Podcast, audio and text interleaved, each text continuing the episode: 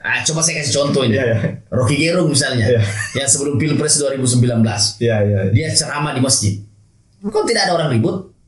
Iya. Kalau padahal kalau dipikir Rocky Gerung kan non. Tidak men saya juga tidak tahu hal guru agamanya Rocky Gerung apa sih ya. Iya, iya. Tapi yang jelas dia bukan seorang muslim. Loh kok tidak ada yang marah? betul. Tiba-tiba Gus Miftah ceramah di gereja kok banyak yang marah? Kan ini kan ada politisasi agama di situ. Hmm, iya, iya, betul, Iya. betul.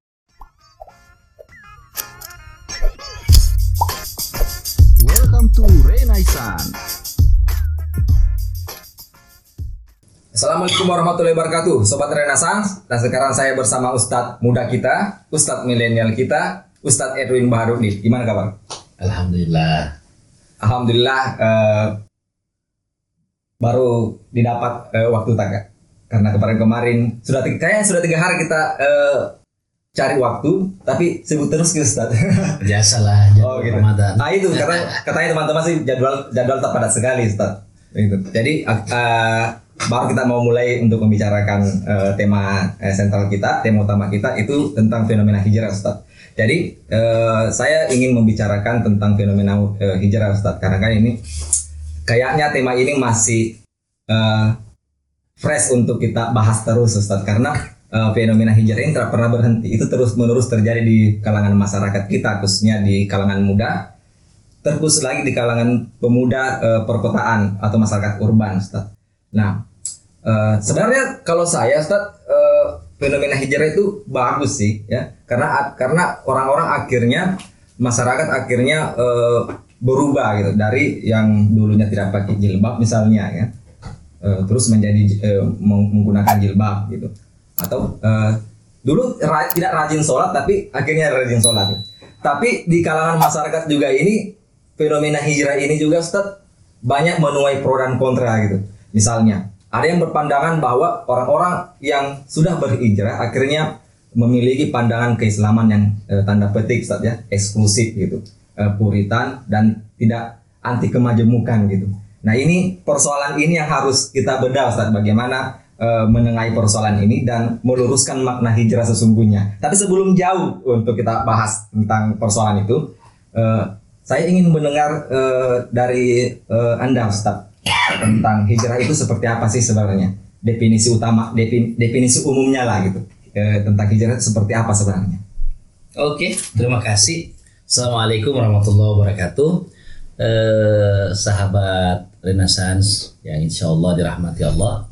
Saya membawa satu buku yang sangat menarik ini ditulis oleh salah seorang cendekiawan intelektual terkemuka Indonesia, eh, Profesor Dr. Muhammad Quraisyah. Ini judulnya Kosakata Keagamaan. Saya akan mencoba membacakan definisi hijrah yang beliau tulis pada bukunya ini pada halaman 372. Kenapa saya sering mengutip Pak Kurais karena beliau menjelaskan setiap kata demi kata itu sangat detail Betul. dan bahasa yang beliau pakai itu baik baik lisan maupun tulis itu bahasa yang sangat mudah kita pahami. mudah betul Ya, saya jadi izinkan saya sedikit membacakan. Jadi kata beliau, hijrah itu ini bukan kata beliau sebenarnya ini Iya. tulis beliau ya. Eh, mungkin telah- sudah diurai dari berbagai Ah, pandangan berbagai sudut Betul. pandang. Secara etimologi. ya Jadi hijrah menurut beliau itu terambil dari akar kata bahasa Arab hajara yang terdiri dari huruf-huruf ha, jim dan ro. Gabungan dari ketiga huruf ini berkisar maknanya pada dua hal. Pertama, pemutusan hubungan atau perpindahan karena tidak senang. Dan kedua, mengikat dan mengukuhkan sesuatu yang baik atau yang buruk. Dari makna pertama lahir kata hijrah Nabi Shallallahu Alaihi Wasallam dari Makkah ke Madinah akibat perlakuan buruk penduduk Makkah pada waktu itu. Dari makna serupa dipahami sabda Nabi Shallallahu Alaihi Wasallam yang melarang berhijrah atau meninggalkan sesama Muslim karena tidak senang kepadanya lebih dari tiga hari. Ini hadis ada dalam kitab eh, Sahih Bukhari dan Muslim. Dari akar kata yang sama lahir kata al-hajirah. Ini mirip namanya. iya Hafid al-hajira yakni tengah hari karena teriknya matahari.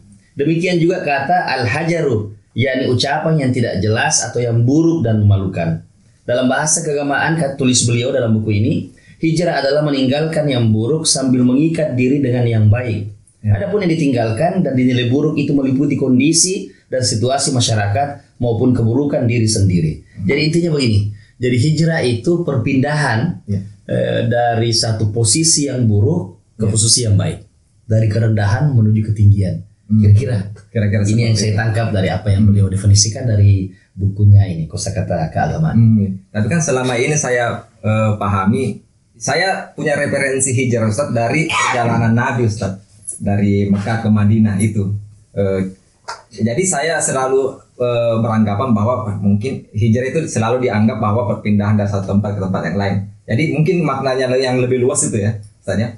Perpindahan dari awalnya kita buruk menjadi lebih baik lagi gitu. Ya betul. Nah, berarti hijrah itu bagus dong Ustaz. Oh iya, mesti hijrah. Semua, semua orang seharusnya berhijrah, Ustaz ya. Ja- Jadi bagaimana melihat eh, fenomena hijrah selama ini, Ustaz? Karena kan eh, pro dan kontra, Ustaz. Bukan pro dan sebenarnya eh, bagus sih sebenarnya, tapi eh, ada juga orang-orang atau di kalangan muda kita ya, di kalangan masyarakat yang eh, akhirnya mema- memahami secara sempit makna hijrah itu, Ustaz, gitu ya. Pertama bahwa eh, kebanyakan orang yang eh, berhijrah itu hanya eh, memaknai eh, perubahan atribut kesalehan Ustaz. Jadi hanya mengubah atribut kesalehannya saja dari tidak pakai jilbab menjadi jilbab eh, berjilbab dari yang dulunya eh, tidak pernah pakai eh, peci sekarang ke mana-mana pakai peci dan menggunakan sorban misalnya Ustaz. Nah sebenarnya saya tidak masalah seperti itu Ustaz. Kalau saya Ustaz ya. Tapi eh, biasanya banyak orang yang beranggapan bahwa eh, mereka tidak eh, banyak eh, memikirkan aspek kualitasnya gitu. Jadi eh, mungkin mungkin saja eh, pemahaman ke, ke- banyak yang mereka mereka banyak dikritik dari aspek pemahaman ke- keagamaan yang mereka yang terlalu dangkal karena mereka eh, mau maaf Ustadz ya berhijrah eh, hanya dengan eh, menonton ceramah-ceramah di YouTube misalnya di di media sosial gitu. Sehingga tidak menemukan referensi eh, keagamaan yang lebih kompleks untuk mereka pelajari. Itu bagaimana mem- mem- mem- apa memandang eh, fenomena seperti itu? Ya. Saya pikir memang masyarakat kita akhir-akhir ini Ya. eh, kaum muslimin utamanya mohon maaf ya dalam tanda kutip kalangan selebriti juga Iya iya ya terpapar ini. Penyakit hijrah mereka mendefinisikan hijrah itu dari inklusif ke eksklusif. Iya iya jadi pada saat mereka hijrah dahulu mereka tidak mengenal kebenaran setelah mereka hijrah ya dia mami yang benar iya kata orang iya iya Sebelumnya dia tidak mengenal kebenaran. Pasca dia hijrah, hanya dia yang benar. Nah ini memahami hijrah ini keliru ini. Jadi hijrah sebenarnya itu perubahan pola pikir, Hmm, iya. ya perubahan pola pikir. Ya. Eh, minal zulumati ila nur dari gelap menuju cahaya, dari keburukan menuju kebaikan. Bukan perubahan fashion. Hmm, gitu ya Nah akhir-akhir ini hijrah kita eh, maknai dengan perubahan fashion. Ya. Dari tadinya misalnya kita memakai baju kaos, Ya. berubah menjadi memakai baju gamis atau baju koko. Ya. Dari yang tidak pakai peci menjadi pakai peci, Ya. ya. Dari yang eh, pakai jeans Ya. menjadi pakai celana kain saja dan lain-lain sebagainya. Jadi saya pikir itu keliru. Sebenarnya itu bukan hijrah, itu hanya perubahan fashion. Perubahan Padahal hijrah sebenarnya itu dimaknai perubahan perilaku. Perubahan. Islam ini adalah Nabi diutus pemikiran Iya pemikiran, Iya. perilaku. Dari pemikiran lah itu melahirkan tindakan. tindakan itu Inna mabu itu liutami makarimal akhlak. Aku diutus kata Nabi untuk menyempurnakan akhlak yang mulia. Jadi hijrah sebenarnya dari situ, dari biadab menjadi beradab, Iya. dari garang menjadi santun, dari pemarah menjadi penyabar, Iya. dari pendendam menjadi pemaaf, dari ahli maksiat menjadi ahli ibadah. Iya. Bukan dari baju kaos ke baju koko. Iya, iya. Bukan itu hijrah. Saya pikir itu hanya fashion saja. Fashion. Tapi itu tidak masalah juga sih sebenarnya, Iya, iya, karena memang perlu simbol-simbol Iya. ya tetapi itu bukan uh, urgensi dari hijrah itu sendiri Hijrah, ya saya pikir itu Eh, dan kadang itu Ustadz ya, eh, mohon maaf ya, eh, ketika mereka telah berhijrah, itu selalu saja memandang bahwa eh, memandang eh, orang-orang yang belum mengikuti jalan hijrahnya sebagai orang yang perlu diluruskan gitu. Makanya kadang mereka pada saat setelah berhijrah itu ketika misalkan mereka melihat eh, temannya yang belum menggunakan jilbab misalnya, itu selalu ada saja eh, sikap tendensius gitu dari mereka untuk agar temannya ini juga ngikut gitu karena dia merasa bertanggung jawab karena mereka sudah hijrah mereka merasa bertanggung jawab untuk mengingatkan teman-temannya agar eh, mengikuti jalannya sendiri bagi saya itu salah satu dakwah juga tetapi kalau ketika misalkan ada semacam eh, apa ya eh, pandangan bahwa orang yang belum mengikuti jalan hijrahnya itu berperilaku buruk. Bagaimana itu Ustaz? Pandangan seperti itu. Karena kan biasa ya ada ada yang begitu Ustaz. Dan saya sering mengalami itu Ustaz. Saya pikir itu karena kurangnya ilmu, Hmm. pengetahuan terhadap makna hijrah itu sendiri. Jadi saya pikir eh, mengajak orang dalam kebaikan itu adalah kewajiban kita semua. Betul. Ya. Wudu ila sabili rabbika bil hikmah. Ya. Ajaklah manusia kata Allah ke jalan Tuhanmu. Ya. Ke jalan Tuhanmu Ya. bil hikmah dengan hikmah. Apa itu hikmah? Hikmah itu amal ilmiah dan ilmu amalia.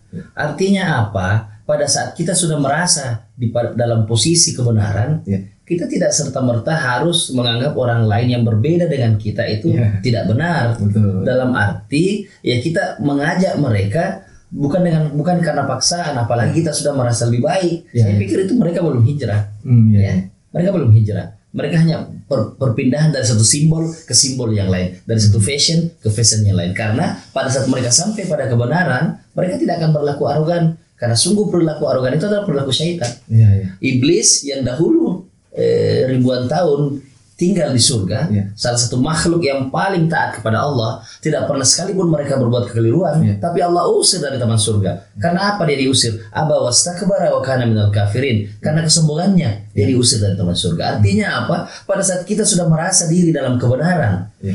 Lalu kita menganggap orang lain tidak benar dan kita merasa lebih suci, lebih penting itu jebakan Batman juga. Iya, betul. Jebak iya itu jebakan iblis juga untuk men- mence- mencederai atau apa menghilangkan ketulusan niat kita dalam eh, perjalanan kita, suluk kita kepada Allah Subhanahu wa taala. Jadi saya pikir mereka belum sampai pada esensi hijrah. Hmm, karena persoalannya saat begini, mereka kan baru hijrah nih, ya, ya eh, mungkin agak kurang etis ketika misalkan dia langsung menjadi eh, mau mau, mau seolah-olah menjadi guru bisa misalnya kan, M- mungkin bagus ajakan tapi eh, tidak perlu misalnya eh, dijadikan eh, jalan hijrahnya itu sebagai patokan kebenaran dan orang dan menjadi men- di- menjadikan patokan patokan hijrahnya itu sebagai patokan untuk me- me- me- mengidentifikasi orang-orang itu eh, berperilaku buruk atau belum eh, menuju jalan hijrah gitu. Eh, ada juga yang menarik ini Ustaz dari fenomena hijrah ini. Eh, soal orang-orang yang baru saja berhijrah lantas menjadi pendakwah. ini bagaimana fenomena? Karena saya begini Ustaz, kayak misalnya kita Ustaz tuh, itu kan kita nyantri bertahun-tahun kan, sekolah agama bertahun-tahun. Ini baru hijrah, mungkin baru beberapa bulan hijrah, lantas sudah didorong untuk menjadi pendakwah, pendakwah di mana-mana gitu. Itu bagaimana eh, melihat fenomena seperti itu? Ustaz? Ya inilah inilah fenomena kapitalisasi dakwah sebenarnya. Oh begitu. Ya. Jadi sebenarnya begini, selalu saya bilang kepada teman-teman, adik-adik kalangan mahasiswa, bahwa Islam itu punya satu bangunan. Ya. Bangunannya itu apa? Eh, pertama iman, Ya. iman dulu. Yang kedua ilmu. Iya. Setelah ilmu amal. Ya. Setelah amal dakwah, Ya. menyampaikan tabligh. Hmm. Nah, dari iman, ilmu, amal dan dakwah ini pada saat ini berproses dengan baik, berjenjang Ya. dan kita konsisten dalam proses itu nanti akan melahirkan akhlakul karimah. Hmm, iya, iya. Jadi mesti melalui proses itu. Iya, iya. Jadi ya kita harus mempercayai ajaran itu. Ya. Setelah kita percaya kepada ajaran atau ideologi itu, kita harus mengkaji, mempelajari ajaran dan ideologi itu. Dan tidak boleh instan. Tidak boleh instan. Ya harus Saya harus ini begitu, Ustaz. harus terperinci. Iya. Belajar agama ini nggak main-main. Misalnya kita mau menjelaskan makna ayat-ayat Al-Quran atau hadis-hadis Nabi itu butuh ilmu. Ada namanya ulumul Quran kalau kita mau mengkaji Al-Quran. Iya, iya. Mengkaji hadis ada namanya ulumul hadis. Ya, sama lah begini. Ya, saya kasih contoh yang sederhana. Eh, tidak semua orang yang bisa berenang bisa menyelam. Iya, iya betul. Tidak semua orang yang bisa menyelam, Ya. ya toh bisa sampai pada kedalaman tertentu. Hmm. Harus ada alat yang kita pakai. Iya, iya. Kira-kira eh, sampai kedalaman 5-6 meter barangkali lah. Ya. Itu kita bisa menyelam tanpa eh, alat bantu. Betul. Ya, ya kan? Tapi lewat dari kedalaman 6, 7, 8, 9 ke bawah kan perlu alat bantu dan seterusnya. Iya, iya. Ya kan? Kan alat bantu itu ibaratnya itu ilmu. Hmm, iya, iya. Itu ilmu. Nah, tentu orang yang mau menyelam harus punya syarat. Syarat pertama dia bisa berenang. Ya, Karena tidak mungkin menyelam kalau tidak bisa berenang. Ya, Tenggelam duluan dia kan? Betul. Sama lah dengan berdakwah ini. Ah, iya, iya. Jadi bukan hanya sekedar dia Islam, dia mau belajar agama dengan baik, bukan itu. Hmm. Dia harus belajar dulu bersungguh-sungguh, ya mempelajari semua disiplin ilmu-ilmu Islam supaya dia bisa menjadi seorang ustadz atau mubalik yang yang yang terpercaya, Iya. Yang bisa menyampaikan ajaran-ajaran agama, jelas. ilmunya jelas. tafsir secara terperinci. Nah, saya pikir membalik-membalik fenomena, membalik-membalik insan inilah yang mencelakai umat. Kenapa Ustaz? Nah, ini menarik ini. Iya. Kenapa mencelakai umat? Karena eh, mereka kadang berbicara atau menyampaikan sesuatu berdasarkan hawa nafsunya, bukan berdasarkan ilmu atau berdasarkan keterikatannya misalnya kepada kelompok ini atau kelompok itu. Iya. Jadi tidak lagi netral dalam menyampaikan kebenaran. Saya belum, belum itu. lagi eh, ilmunya yang belum memadai. Iya. Misalnya eh, mem- apa menafsirkan Al-Qur'an yang mereka tidak punya ilmu tafsir itu lantas menjadi eh, apa eh, akhirnya tafsirnya terhadap isi Al-Qur'an itu banyak yang keliru. Mungkin begitu saya. Ya, saya kasih contoh. Ya. Misalnya dalam Al-Quran, pada saat Tuhan memerintahkan kita untuk menyampaikan, menyeru, Ya. menyampaikan ayat, mengajak orang ke dalam ajaran-ajaran Tuhan, kita bisa perhatikan itu dalam Quran. Allah berfirman, Udu'u ila sabili rabbika bil hikmah. Masih ada lanjutannya. Saya sampai di situ saja. Udu'u ila sabili. Ajaklah manusia. Udu'u ila sabili. Ajaklah manusia ila sabili ke jalan Tuhan. Bil hikmah. Nah di situ digunakan kata as-sabil. Itu bermakna jalan. Ya, ya. ya. Nah, pada surah Al-Fatihah, pada saat kita meminta jalan yang lurus kepada Tuhan, di situ digunakan ihdinas siratal mustaqim. Ya. As-sirat. Itu juga bermakna jalan. Nah, persoalannya, bagaimana seorang mubalik bisa menjelaskan ini kepada jamaah? Apa perbedaan antara as-sabil dengan as-sirat? Sama-sama bermakna jalan. Kenapa Ya, di ya. kedua ayat ini berbeda kosakata yang dipakai? Nah, bagaimana kalau seperti itu? Nah, bagaimana kalau seperti itu? Nah, itu kan butuh ilmu. Betul, betul, Butuh ya. nahu saraf. Ya tahu untuk Ya. menjelaskan. Nah, saya kasih contoh. As-sabil misalnya. Pada saat kita disuruh Tuhan untuk menyampaikan sesuatu kepada masyarakat, di situ digunakan kata as-sabil. Apa maksudnya itu? Seorang mubalik, seorang penceramah, seorang juru dakwah, seorang penyampai, tentulah dalam menyampaikan ajaran-ajaran agama sesuai dengan apa yang dia fahami. Yang dia fahami itu yang dia pelajari, yang dia pelajari itu yang dia kaji, itulah yang dia fahami, itu yang dia amalkan, itu yang dia sampaikan. As-sabil. Jadi apa itu as-sabil? As-sabil itu bermakna jalan-jalan kecil. Atau istilahnya wali Pak wali kota kita lorong-lorong, anak lorong, as-sabil. Ya, betul. Ya kan? Nah, apa itu as-sirat? As-sirat itu bermakna jalan utama, jalan yang lurus. Ya. Jadi dalam konteks dakwah misalnya, bagaimana mendudukkan as-sabil dan as-sirat ini? Saya kasih contoh dalam konteks eh, perbedaan madhab pandangan. Saya selalu bilang begini. Saya lahir dan besar di lingkungan Nahdlatul Ulama. Ya. Nahdiyin. Kalau saya ditanya, Ibnu man anta? Kamu putra siapa? Anak Ibnu Islam. Saya putra Islam yang kebetulan aktif di Ormas Nahdlatul Ulama yang bermadhab Syafi'i. Nah, dalam madhab Syafi'i diajarkan dalam fikihnya kalau kita sholat subuh kunut. Iya, iya. Kunut subuh itu as-sabil. Jalan kecil. Nah, teman-teman Muhammadiyah Tidak kunut. tidak kunut subuh. Iya. Mengikuti pendapat Imam Malik bin Anas, gurunya Imam Syafi'i. Tidak kunut subuh juga itu as-sabil. Iya. Dalam konteks ilmu komunikasi dakwah, di situlah seorang mubalik harus memahami ini bahwa Hmm. eh, kunut itu as-sabil, tidak kunut juga as-sabil. Di mana asyiratnya ya salat subuhnya. Jadi Ah. tidak masalah yang kunut subuh, tidak masalah yang tidak kunut subuh. Yang penting- yang penting salat subuh. Maka pentinglah ilmu di situ. Hmm, iya. Maka penting untuk meng- apa namanya seorang penyampai itu memahami apa yang dia sampaikan. Tadi yang ngotot itu kalau misalkan dia tidak di Iya. apa, ah, biasa kan Ini orang yang seperti itu ngotot ketika misalkan tidak eh, diikuti pandangannya begitu. Nah ini memang menimbulkan pro kontra di masyarakat. Ah, Karena yang fenomena sedikit- hijrah itu ya. Sedikitnya wawasannya. Termasuk kita kembali ke Iya. konteks hijrah itu. Iya. Mereka memahami hijrah ya eh, ilmu yang mereka pelajari pada ustadz mereka. Ah, ya iya. itulah Islam. Hmm, iya, Dan itulah Islam satu-satunya. iya, iya. Di luar dari apa yang mereka pahami dan model mereka bukan Islam. Hmm, Karena selalu mereka mengatakan begini sangat populer ini. Kebenaran itu satu. iya, iya, iya, iya. Jadi pokoknya hitam putih. Yang sholat subuh kalau bukan kunut ya tidak kunut. Iya. Kalau mereka meyakini kunut sholat subuh yang tidak kunut salah keliru. Iya. Kalau mereka meyakini yang tidak kunut subuh benar maka yang kunut subuh keliru. Kan itu kan persoalannya di situ. Karena mereka ini sering sering menyalahkan amalia-amalia Ah, amalia- kaum amalia. muslim Yang yang, berbeda. lainnya gitu, yang berbeda. Nah gitu. inilah fenomena hijrah kita, utamanya di kalangan artis. Saya kasih contoh ya. Iya. Saya tidak perlu menyebut nama. Ada satu artis kemarin itu yang jadi host. Iya. Ya kita tahu lah beliau. Iya. Ya, ya Sebenarnya saya tahu sih siapa yang ya. entry di mana sih? Sampai ada seorang intelektual kita itu berkata, eh ngaji dulu deh. Betul. Baru menyampaikan. Kemarin dia mengomentari itu tentang eh, tahlilan Iya, iya, iya. yang dia anggap tidak ada dalilnya. Maka marahlah ulama-ulama NU sampai ada salah satu tokoh itu yang menyampaikan bahwa dia ngaji di mana, ngaji dulu baru menyampaikan sesuatu. Nah kalau kita eh, usut backgroundnya, waduh ternyata ya inilah ya kena petunjuk hijrah. Hmm, betul. Sebelum dia hijrah dia tidak mengenal kebenaran. Setelah dia hijrah dia mau yang benar kata orang-orang kata anak-anak muda kita. Eh, artinya ini ini ini perlunya mengkaji. Hmm. Ya, Atau jangan-jangan gurunya yang salah. Ustaz? wallahu alam. Boleh jadi. Maksudnya dia be- be- belajar di guru yang eh, keli mungkin ya keliru. Karena kan eh, yang menjadi prioritas utama kita di sini kan Ustadz eh, kita berharap bahwa eh, para pemuda-pemuda hijrah ini tidak berpandangan eksklusif. Ya, mestinya karena inklusif. iya inklusif gitu karena mereka berhijrah dan itu bagus Ustadz ya itu bagus.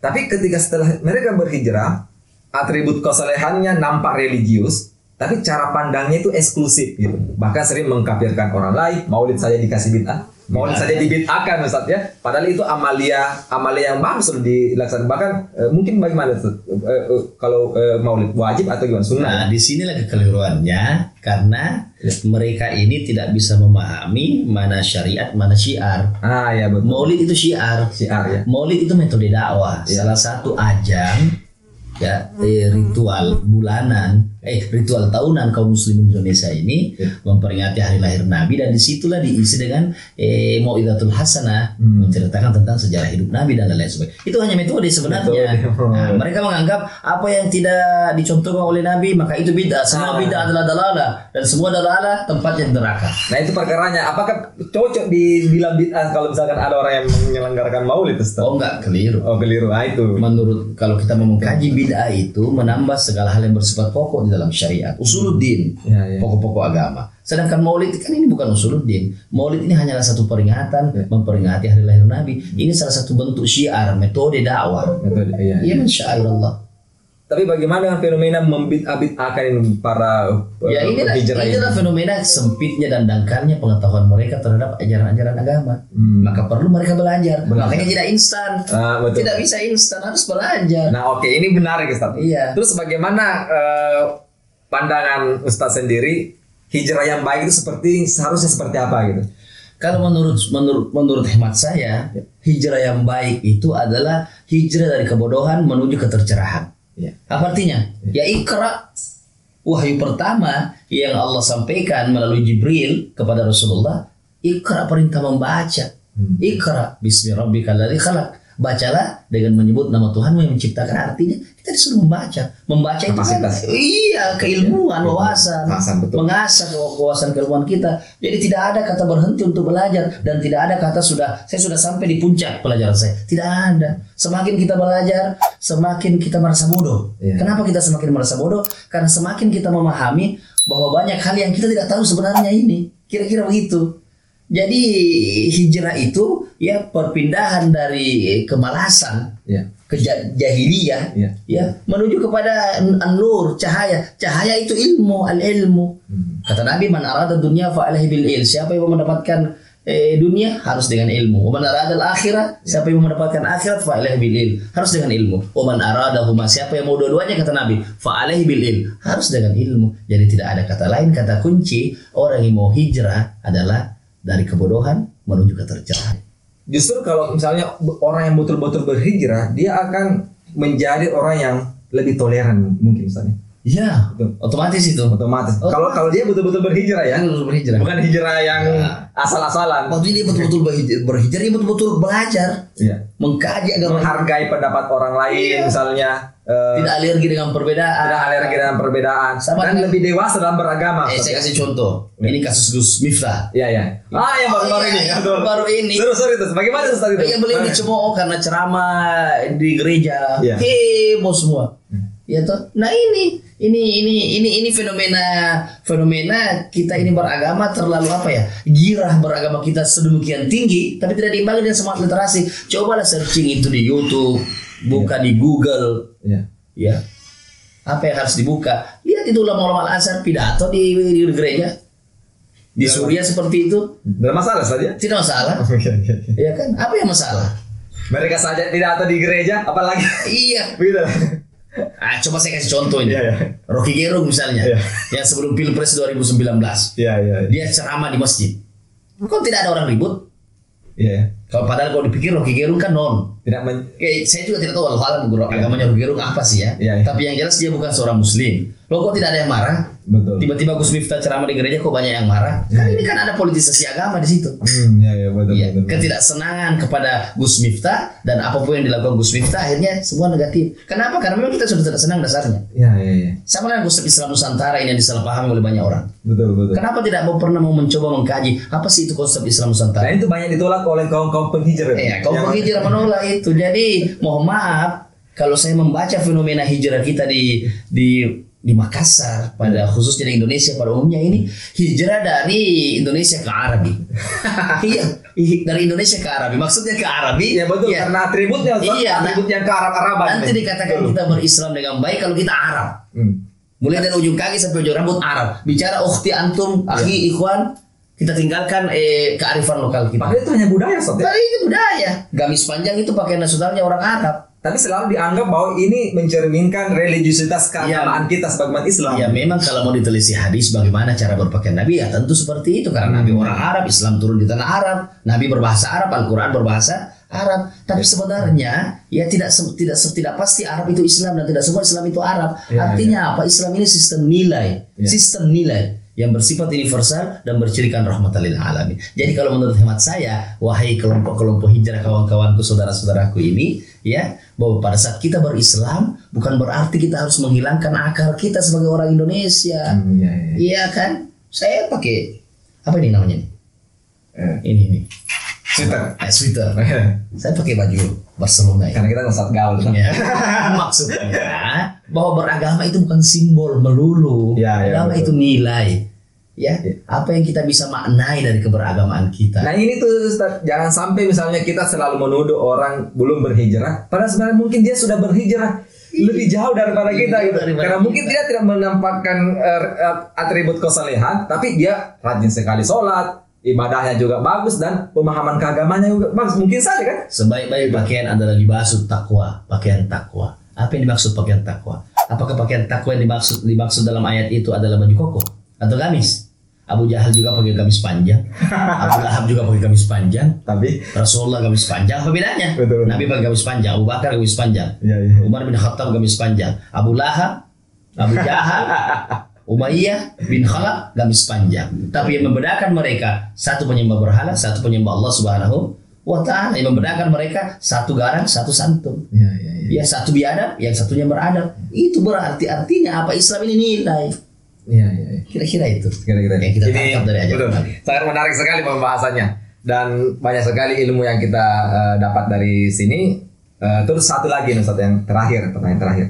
Eh, mereka perlu eh, belajar agama dari mana? Orang-orang misalnya ketika ada orang yang hendak berhijrah, eh, mereka perlu belajar eh, agama dari mana Ustaz? Karena saya ada ada yang saya pernah dapat pandangan bahwa Jika hendak berhijrah itu hijrahnya eh, tidak usah eh, langsung mau perfect begitu, mau langsung sempurna. Ada saya anggapan bahwa tidak apa-apa pelan-pelan, gitu. Tidak apa-apa pelan-pelan. Yang penting bisa sampai ke, ke tahap level-level yang lebih tinggi lagi itu bagaimana Ustaz?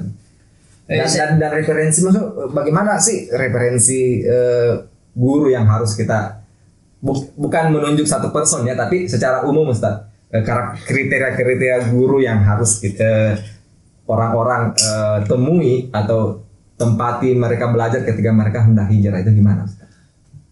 Saya pikir begini, Ya. al ulama warisatul anbiya. Ulama itu pewaris para nabi. Ya. Jadi itu kata kuncinya di situ. Jadi di, di zaman sekarang ini karena Rasulullah sudah tidak ada Ya. di tengah-tengah kita, Ya.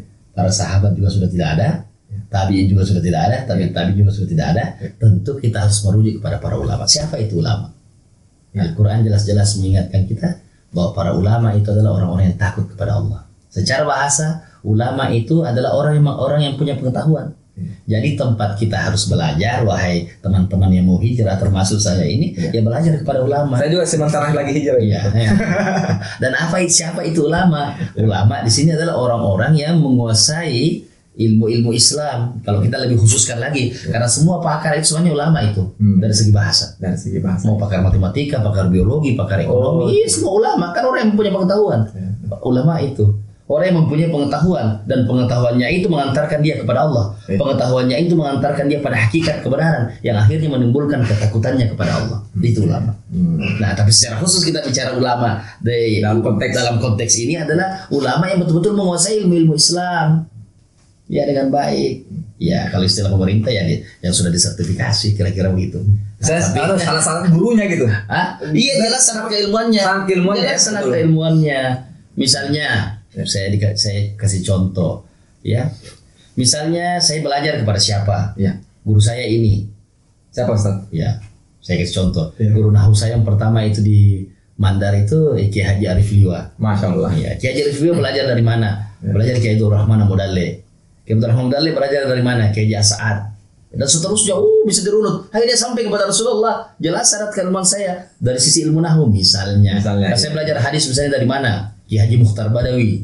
Ya, Kiai Mukhtar Badawi ini pernah belajar di mana? Pernah belajar di Madrasah Solutia di Makkah kepada Said Alwi Al-Maliki. Ayahnya Said Muhammad bin Alwi Al-Maliki. Nah, ini seterusnya uh, sampai kepada Nabi. Kan jelas. Nah, itu yang Nah, saya saya maksud. belajar sejarah misalnya dari mana? Dari Ki Haji Idrus Abdullah. Ki Idrus ini belajar dari mana? Dari gurunya ini. Seterusnya sampai kepada itulah sanat mata rantai keilmuan, transmisi keilmuan yang harus dijaga. Nah sekarang kan kita hanya belajar di YouTube, mendengarkan ustadz-ustadz kita, itu pun yang sesuai dengan kita. Kalau ada ustadz yang tidak cocok pandangannya kita tidak mau ikuti, tidak mau dengar. Inilah kekurangan kita sekarang. Jadi saya pikir hijrah itu betul-betul perpindahan eh, fisik dan rohani dari satu posisi yang tidak baik menuju posisi yang baik. Ya, ya. Ya, dari kebodohan menuju ketercerahan. Hmm. Saya pikir itu. Dan pelan-pelan saja, Ustaz, tidak perlu terburu-buru gitu. Oh iya, Ya. step by step. Tidak, tidak perlu langsung eh, kan agama katakan ibda binafsik mulai dari diri. ya. eh, Jangan buru-buru mau jadi penceramah. Ya, itu yang saya maksud. Kenapa sih ini ini kan umat tidak akan lari, tidak akan kabur. Iya, saya pikir itu. So, pengen banget gitu langsung Ya. langsung menjadi eh, orang yang wow gitu ya. Orang Enggak, iya, tidak apa-apa jadi mubalik, minimal mubalik pada diri kita sendiri, Nah, itu. pada keluarga kita. Iya. Tidak usah langsung terjun kepada umat kalau kita belum punya kapasitas untuk itu. Karena apa? Karena kapan kita tidak punya kapasitas lalu kita terjun ke tengah-tengah umat, inilah kadang yang membuat umat jadi bingung. Ya, ya. Yaitu dengan penyampaian-penyampaian kita, tidak boleh begini bid'ah, tidak boleh begini sesat, tidak boleh begini kafir. Kan ciloko ini kata Pak Jokowi celaka kalau begini modelnya. Misalnya begini Ustaz, ada ada eh, ahwat nih yang mau pakai jilbab Ya, gitu. ya seru ini. Soal jilbab. Tapi eh, dia pengen eh, tidak mau jilbab yang yang hijab yang eh, panjang kan, yang menutupi. Dia maunya dulu eh, hijab eh, jilbab yang kecil-kecil saja. Itu gimana? Saya ya? pikir begini, kembali kepada eh, jilbab itu. Iya. Kan itu ada dalam surah Al-Ahzab. Ya Bismillahirrahmanirrahim. Ya ayuhan nabiyyu, hai nabi, kulli azwajika. Katakanlah kepada istri-istrimu, Ya. wa banatika anak-anak perempuanmu, wa nisa'il mu'minina dan kepada seluruh perempuan mukmin. Ya. Yudunina alaihinna min jalabihinna. Ya. Agar mereka mengulurkan kain kerudungnya ke seluruh tubuhnya. Dzalika adna supaya mereka lebih dikenal ayurafna ayurafna dan supaya mereka tidak diganggu. Wa kana Allahu ghafurur rahim. Dan sesungguhnya Allah itu maha pengampun lagi maha penyayang. Karena kembali ke definisi apa itu jilbab? Yang mana itu jilbab? Iya, ya. Apa beda antara hijab dan jilbab? Iya, itu gimana itu? ah itu mesti mesti ada mesti ada ilmu di situ. Iya, iya, kalau nggak ada ilmu kan bahaya. Kita dalam menjelaskan itu. Iya. jadi misalnya eh, jilbab itu ya eh, adalah pakaian yang bisa menutupi lekak-lekuk tubuh perempuan. Iya. Itu jilbab. Jadi pakaian kesopanan Iya, iya. yang tidak menampakkan lekak-lekuk tubuh. Ulama-ulama berbeda pandangan soal batasan-batasan aurat itu dalam perempuan. Hmm. Kalau kita mau jujur mengkaji, Iya, iya. ya kan? Kalau kita mau jujur. Nah, sebagai ulama berpendapat eh, seluruh eh, tubuh wanita itu adalah aurat kecuali wajah dan telapak tangannya. Inilah yang menjadi pandangan umum para ulama. Ada juga ulama berpendapat bahwa rambut itu bukan bagian dari aurat. Ya. Maka kita perhatikan dulu eh, ibu-ibu NU apa itu? Nah, apa Yang itu? biasanya dia muslimat NU, Iya, ibu-ibu Aisyah, Muhammadiyah, itu kan mereka berkerudung. iya berkerudung. Kayak Ibu Sita Sinta Nuri Abdurrahman Wahid, Iya. itu kan berkerudung tapi rambutnya dikit kelihatan, lehernya kelihatan. Itu boleh jadi itu itu pandangan itu terambil dari situ. Hmm, iya. Jadi memang memang ini ada perbedaan pandangan tentang batasan aurat itu Iya, iya. Kalangan ulama. Nah, ada juga yang yang yang yang yang ketat yang mengatakan seluruh tubuhnya aurat kecuali wajah dan telapak tangan. Nah, inilah seperti yang kita pakai sekarang. Iya, iya. Jadi itu kan rada ikhtilaf. Ikhtilaf. Nah, kalau kita mengambil jalan tengah, Iya. eh saya, mengang- saya saya mengambil jalan tengah, saya berkata sepanjang pakaian itu tidak menonjolkan lekak-lekuk tubuh, maka itu sudah menutup aurat. Benar. Iya, Menutup iya. aurat. Nah, urusan rambut nam- na- nampak atau tidak nampak, ah, panjang lagi kajiannya kita mau kaji itu. Iya, itu iya. soal tafsir terhadap teks-teks itu. Iya. Saya pikir itu. Nah, saya sarankan kita untuk membaca buku yang ditulis oleh Profesor Quraisy Ya. ya. judulnya Hijab. Hmm. Nah, itu jelas beliau menyampaikan pandangan seluruh ulama, ulama terdahulu, ulama kontemporer tentang eh, batasan-batasan aurat itu. Dan beliau di akhir bukunya itu malah tidak menyimpulkan. Hmm. Dia menyerahkan kesimpulan itu. Iya. Karena dia tak mau mungkin Karena dia tidak mau mengambil Karena perbedaan ya, Karena perbedaan. perbedaan yang beraneka ragam itu. Betul. yang pokok intinya Ya. begini. Eh, Islam ini menyuruh kita untuk berpakaian sopan. Iya. Jangan menampakkan lekuk-lekuk. Karena laki-laki Ya. tidak nampak aja kita sudah tertarik. Iya. Terus terang aja ya. Betul, Apalagi kalau sudah nampak. Wah. iya, kan pasti kita wah, kita keblinger semua jadi Iya. keblinger semua jadi orang orang bingung semua melihat aurat perempuan. Jadi mesti memang ditutup. Ditutup. Mesti ditutup. Jadi eh, cuma batasan yang mana ditutup itu berbeda. Yang jelas intinya pada umumnya begini, kecuali wajah dan telapak tangan. Hmm. Pada umumnya itu. Pada umum. Ya, ada lagi yang mengatakan cadar itu wajib. Ah, itu penjelasannya lain lagi. Saya pikir bukan ruangnya, oh, tidak cukup ruang dan waktu untuk menjelaskan perbedaan itu. Tapi intinya eh, biarkanlah masyarakat memilih yang mana yang mereka mau ikuti Hmm, gitu loh ya. Mana mereka mau ikuti? Nah, saya pikir gamis model panjang hitam. Karena perbedaan Iya. pandangan tadi, Hmm, ya. krem, krem coklat, coklat kan itu fashion, fashion dari Timur Tengah itu. Iya. Iya kan? Betul. Fashion Timur Tengah. Kalau fashionnya orang Indonesia, ibu-ibu kita itu pakai apa? Itu kebaya, kemudian berkerudung. Iya kan itu fashion dan itu menutup aurat juga. Iya. Saya pikir itu jadi Dan ada ada landasannya Ustaz. ada ada landasan. Ah, iya. Inilah yang repot kalau kita hanya mengambil satu pandangan Iya. lalu menutup diri dari pandangan yang lain. Lain. Sehingga pada saat kita mengambil satu pandangan dan kita menganggap pandangan itulah yang paling benar dan apa yang berbeda dengan kita itu tidak benar. Ini repotnya sekarang dan ini yang terjadi di kelompok hijrah. Jadi jadi yang tidak memaki misalnya mohon maaf ini saya tidak mau menyinggung siapa Iya, siapa mohon maaf sekali. Misalnya yang tidak sesuai dengan selera fashion fashion berhijab mereka sudah keliru padahal tidak seperti itu. Butuh kajian. Dianggap dianggap tidak sesuai Islam. Cobalah kita jalan-jalan ke Timur Tengah itu. Itu putri-putri Raja Saudi Arabia itu oh gamis panjang kalau di Makkah, Iya. di Madinah, di, di Saudi.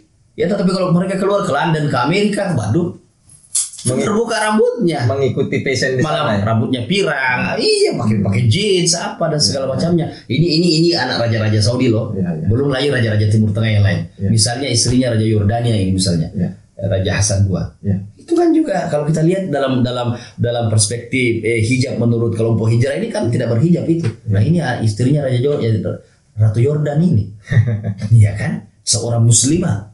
Apa dia tidak memahami ayat-ayat itu? Atau nenek-nenek kita dahulu itu yang aktif di Aisyah dan di eh, muslimat apa mereka tidak pahami ayat-ayat jilbab? Apa Ki Hashim Asy'ari tidak tidak mengerti hijab ini Ki Ahmad Dahlan tidak mengerti hijab sehingga istri-istri itu kelihatan lehernya berkerudung biasa saja. Wah bahaya itu Ah, iya kita kan? bilangin mereka tidak tidak tidak paham. Walat kita itu. Mereka ini ulama-ulama besar. Iya kan saya pikir. Ulama legend lagi. Oh, iya legend. Dan diakui keilmuannya. Betul. Ya tidak instan. Iya. Tidak seperti kebanyakan eh, artis-artis kita yang tiba-tiba jadi ustaz. Ya saya pikir itu. Mantap. Ini menarik sekali dan eh, sepertinya eh, kita sudah eh, selesai Ustaz. Eh, besok ada acara mata Allah. Insya Allah. Insya Dan saya mau minta doa Ustaz. Cepat-cepat di- eh, dapat jodoh. Oke, Assalamualaikum warahmatullahi wabarakatuh. Eh, Sobat Renaissance dan sampai ketemu kembali di video selanjutnya.